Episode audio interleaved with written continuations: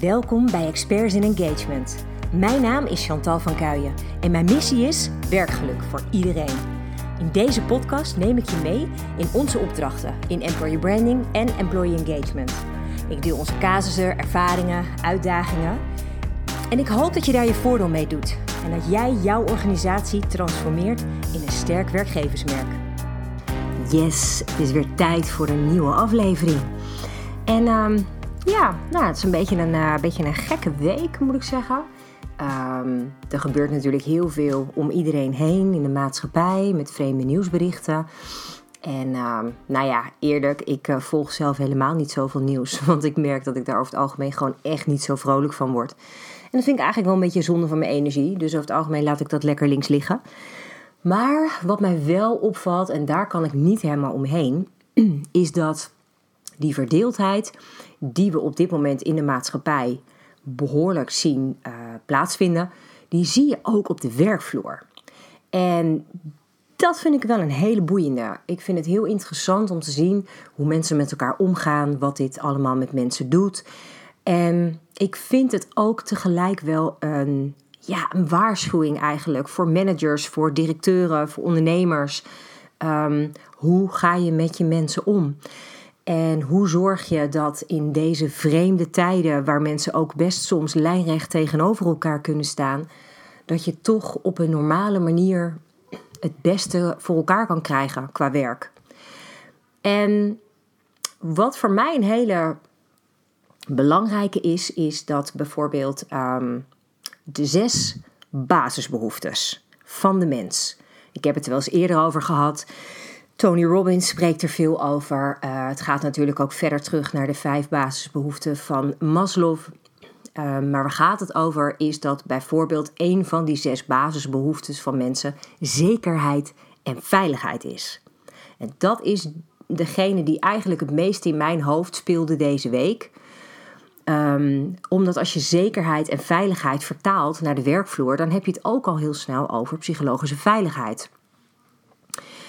En dat speelt zich dan weer vaak af in bijvoorbeeld de mate uh, in hoeverre je jezelf kan zijn op je werk. In hoeverre ben jij wie je bent en word je daarin gerespecteerd en geaccepteerd.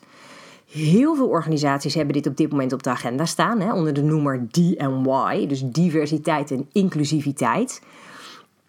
Daar hoor je ontzettend veel uh, bedrijven over spreken.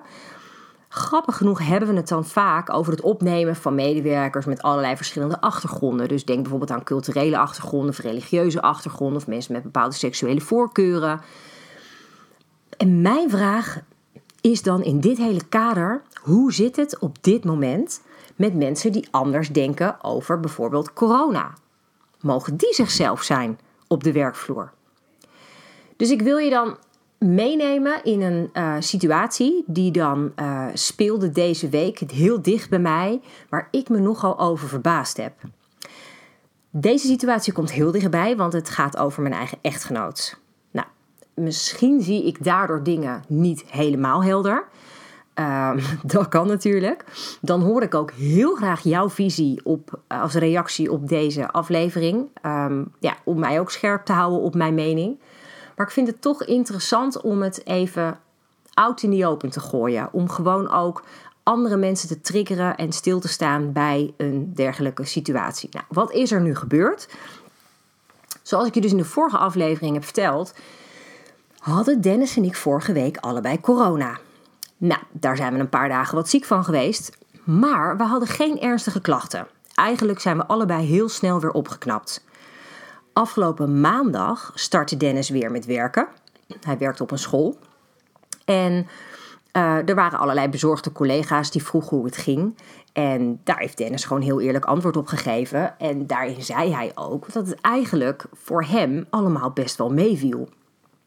Hij zei daarbij dat hij er vooraf ook eigenlijk helemaal niet zo bang voor was geweest, omdat hij erop vertrouwde dat hij nou ja, sterk en gezond genoeg was om dat virus goed te verslaan. Dat is precies zoals ik er ook al die tijd in heb gestaan. Van ja, weet je, op het moment dat ik gewoon zo goed mogelijk werk aan mijn immuunsysteem, uh, ik, ik zorg zo goed mogelijk voor mezelf, dan vertrouw ik erop dat mijn lijf dit aan kan.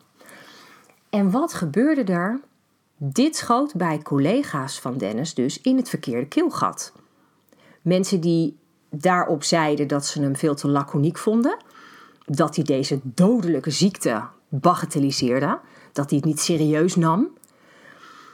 En hij antwoordde daar eigenlijk vooral op dat hij graag gewoon zo positief mogelijk in het leven staat. En dat hij daarmee afdwingt dat er dan ook positieve dingen gebeuren. Dat heb ik ook wel eens eerder gedeeld. Thuis leven we best wel heel erg volgens de wet van aantrekking. Um, nou, dat is, dat is eh, zoals wij leven, is onze levensstijl. Een deel van zijn collega's vindt dat dus echt absurd. Zij kunnen dus niet omgaan met zijn, noem het laconieke houding, hè, zoals zij het noemen. Um, maar Dennis voelt zich op zijn beurt in zijn hemd gezet, omdat collega's dus nu roddelen blijkbaar over zijn instelling, hoe hij in het leven staat. En dat hij dus niks serieus zou nemen. Um, voor hem is dat lastig, want hij vindt dus weer misschien dat anderen te angstig zijn. En hij vindt het dan heel jammer dat zij dan niet openstaan voor bijvoorbeeld zijn positieve mindset. En dan, weet je, dan kom je dus op dat punt dat je dus zo'n verdeling krijgt onder medewerkers. Nou, dan even helemaal los van corona. In het verleden heb ik ook heel vaak wel ervaren dat mensen het lastig vinden als je niet meegaat in hun angsten en negatieve denkpatronen. Ik kan me nog heel goed herinneren, ik werkte bij de rechtspraak en wij hadden een teamdag in Utrecht. We zaten in een prachtig zaaltje aan de Oude Gracht. En wij hadden daar uh, met ons hele team onderverdeeld in kleinere groepjes een bijeenkomst. En we moesten dingen benoemen van elkaar die we moeilijk vonden en dingen die we positief ervaarden. En toen kreeg ik van een aantal collega's uit mijn team te horen dat ze mij te enthousiast vonden over mijn vakgebied. Ik praatte te enthousiast, ik was te passioneel, um, te gepassioneerd. Ik, ik, ja, zij konden niet zoveel met mijn blijdschap over mijn werk. Um, nou moet ik daar wel bij zeggen dat het collega's waren die ook af en aan zichzelf ziek melden. En achteraf gezien mm, kan ik dat wel een plek geven. Maar ik heb dat echt heel erg moeilijk gevonden. Wat mij opvalt is dat mensen heel vaak heel lang willen praten over wat ze allemaal heel zwaar vinden en wat er dan niet goed gaat. En wat er niet goed is, wat er bijvoorbeeld slecht geregeld is. Maar dat ze het veel lastiger vinden om dingen vanuit een ander perspectief te zien. Dus op het moment dat je dus daar een flinke dosis positiviteit tegenover zet, dan is dat voor deze mensen vaak een ongelooflijk grote uitdaging om daarmee om te gaan. Dus wat mij opvalt is dat dan mensen bijvoorbeeld heel vaak van alles verschrikkelijk vinden aan hun werk, maar dan niet de ballen hebben om van baan te wisselen. Dat begrijp ik dus niet. Ik snap oprecht niet dat jij ervoor kiest om jarenlang te zwelgen in zelfmedelijden, want sorry, dat vind ik gewoon echt wat het is. Ik heb zo'n schoonzus gehad die, die bleef maar zeuren over de werk en over hoe verschrikkelijk het allemaal wel niet was. En ik zei dan alleen maar: ja, waarom ga je nog een andere baan zoeken? Je bent verantwoordelijk voor je eigen geluk. En via de keuzes die je maakt, bepaal je of je dat geluk ervaart of niet. En ja, ik geloof dus echt dat het zo simpel is. En dat is dus best wel ingewikkeld, omdat ik dan heel erg merk dat um, er ook een heleboel mensen zijn die dat dus niet zo zien.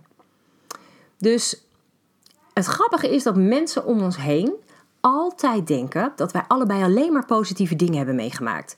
En dat we helemaal niet weten hoe het is als dingen tegenzitten. Ik op mijn beurt kan je garanderen dat wij de nodige moeilijke ervaringen gehad hebben. Weet je, alleen het grote verschil hierin zit hem erin dat het onze instelling eigenlijk vooral is dat als je in een moeilijke situatie zit, je vervolgens altijd een keuze hebt hoe je daarmee omgaat. Ik geloof daarmee ook echt oprecht dat je je geluk creëert. En dat gun ik iedereen. Ik zou zo graag willen dat zoveel meer mensen dit ervaren. Ehm, wat er voortkomt uit de situatie die dus speelt uh, bij mijn man. Dennis die heeft nu gezegd van ja, oké, ik um, heb het hier wel heel moeilijk mee, want ik merk dat ik gewoon op deze plek niet meer mijzelf mag zijn. Ik word niet gerespecteerd qua mening eh, en ik word niet gerespecteerd qua um, levensstijl, hoe ik wil leven. Ehm, terwijl hij op zijn beurt zegt: Ja, jongens, uh, als jullie allemaal kiezen om andere keuzes te maken, hè, bijvoorbeeld om je te laten vaccineren of um, om bepaalde keuzes te maken omdat je angstig bent, daar heeft hij in principe ook verder respect voor. Hij gaat je er niet om veroordelen.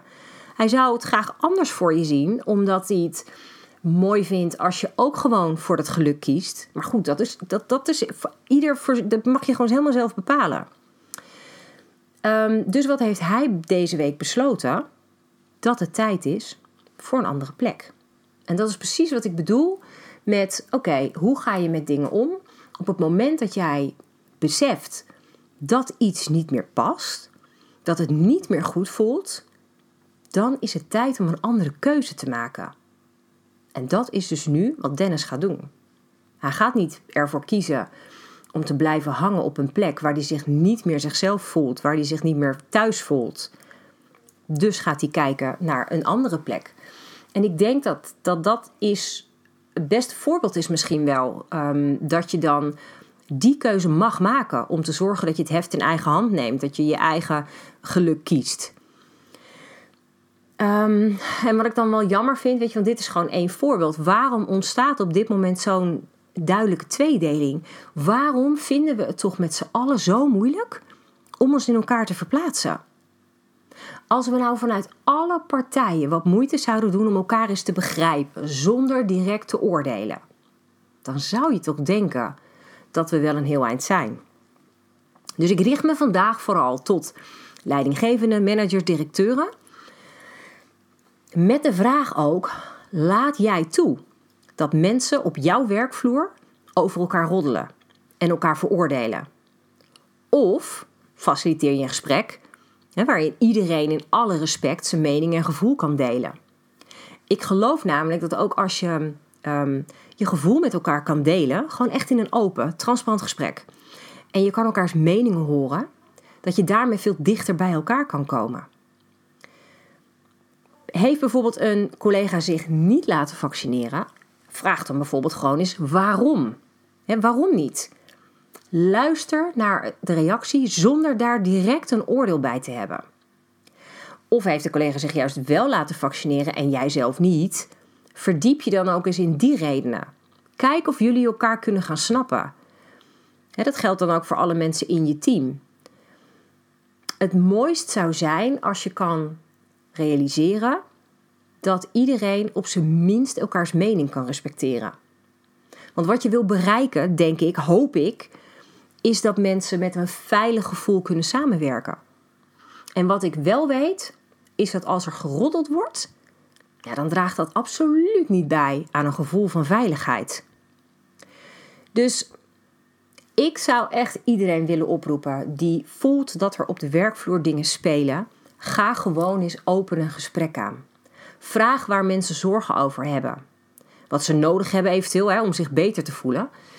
Maar laat dat niet uitdoven met een, ik weet het eigenlijk niet zo goed. En daarbij vind ik het ook wel heel belangrijk. Je kan vragen aan iemand van, joh, wat heb jij voor zorgen? Waar zit je mee? Uh, hoe kunnen we je helpen? Um, en laat mensen dat dan uitspreken. Maar blijf dan vervolgens niet heel lang in dat negatieve hangen. Probeer dat om te buigen naar iets positiefs. Vraag vervolgens bijvoorbeeld waarin mensen plezier ervaren. Wat maakt mensen blij in hun werk? Uh, vraag bijvoorbeeld of ze minimaal twee recente positieve gebeurtenissen in hun werk kunnen noemen. En ik denk als je met elkaar meer positieve momenten kunt creëren, waar iedereen zich fijn bij voelt, dat je dan zo'n ongelooflijk mooie stap kan zetten. Als manager, als leidinggevende, als leider überhaupt, is jouw doel dat iedereen zich thuis moet voelen op die werkplek. Dat niemand met een zwaar gevoel aan de dag begint. Want als dat gebeurt, dan heb je daar ook als organisatie last van. Want je levert wel in op motivatie en betrokkenheid en enthousiasme. Dus dat kan het moment zijn dat je dus het verzuim en je verloop ziet toenemen. Dus mijn vraag aan jou vandaag: ben jij er op tijd bij als leidinggevende? Signaleer jij wat er gebeurt? Heb je door dat er eventueel wat gekonkel, wat geroddel heerst? dan nodig ik je echt van harte uit om met deze mensen in gesprek te gaan. Laat ze elkaar snappen. Zorg dat ze met elkaar praten, echt praten, echt luisteren, zonder oordelen. Ik hoop zo ontzettend dat we met z'n allen de komende periode daar veel meer op in kunnen gaan zetten. En dat we dan zoveel mooiere situaties creëren. Dat zou ik echt, echt fantastisch vinden. Hoe dan ook, ik hoop het liefst nog misschien dat het gewoon helemaal niet speelt op je werkvloer. Want dat zou natuurlijk het allerbeste zijn. Ehm, en als het wel speelt, dan hoop ik dat ik je hiermee een beetje heb kunnen inspireren om ehm, nou ja, daar een verschil weer in aan te brengen. En ik zou het echt te gek vinden als je met me wilt delen ja, wat je mening is over wat ik je net allemaal verteld heb. En of ik inderdaad nu te dicht betrokken ben bij mijn echtgenoot. Of dat je denkt, nee, dat is eigenlijk inderdaad wel een punt. Ja, het is eigenlijk gewoon zonde als je niet gewoon jezelf kan zijn op de werkvloer. Dus ja, alsjeblieft. Um, employerbrander.nl slash uh, podcast zou ik het echt super vinden als je iets achterlaat. Mag ook gewoon via Instagram, via direct mail. Uh, maakt me allemaal niet zoveel uit. Ik zou het echt super leuk vinden om van je te horen. Um, nog één laatste uh, berichtje. Um, het is vrijdag 24 september, komende maandag hebben we onze gratis masterclass Draagvlak creëren voor employer branding. Heb je daar nog niet voor ingeschreven? Wees er heel snel bij. We hebben ongelooflijk veel aanmeldingen en dat is echt te gek. Ik word daar super blij van. Uh, maar we hebben nog een paar plekken beschikbaar. Dus um, tot zondagavond kun je nog aanmelden. Um, ik zou het heel erg leuk vinden als je erbij bent. En dat vind je ook gewoon op de Employee Brander uh, website onder trainingen. Dus um, ik wens je een fantastisch weekend. Maak er echt mooie momenten van, blije momenten, um, vol plezier, vol geluk. En dan kan je volgende week weer vol energie tegenaan. Dankjewel dat je erbij was. Ik hoop dat deze aflevering je inspiratie oplevert. Misschien is dit wel jouw nieuwe begin. De start van een sterk employer brand. Of optimaal werkgeluk voor jou en je medewerkers. Maar waar loop jij tegenaan? Welke vragen heb jij?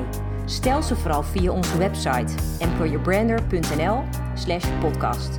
Dan kom ik er graag op terug in een volgende aflevering. Tot snel!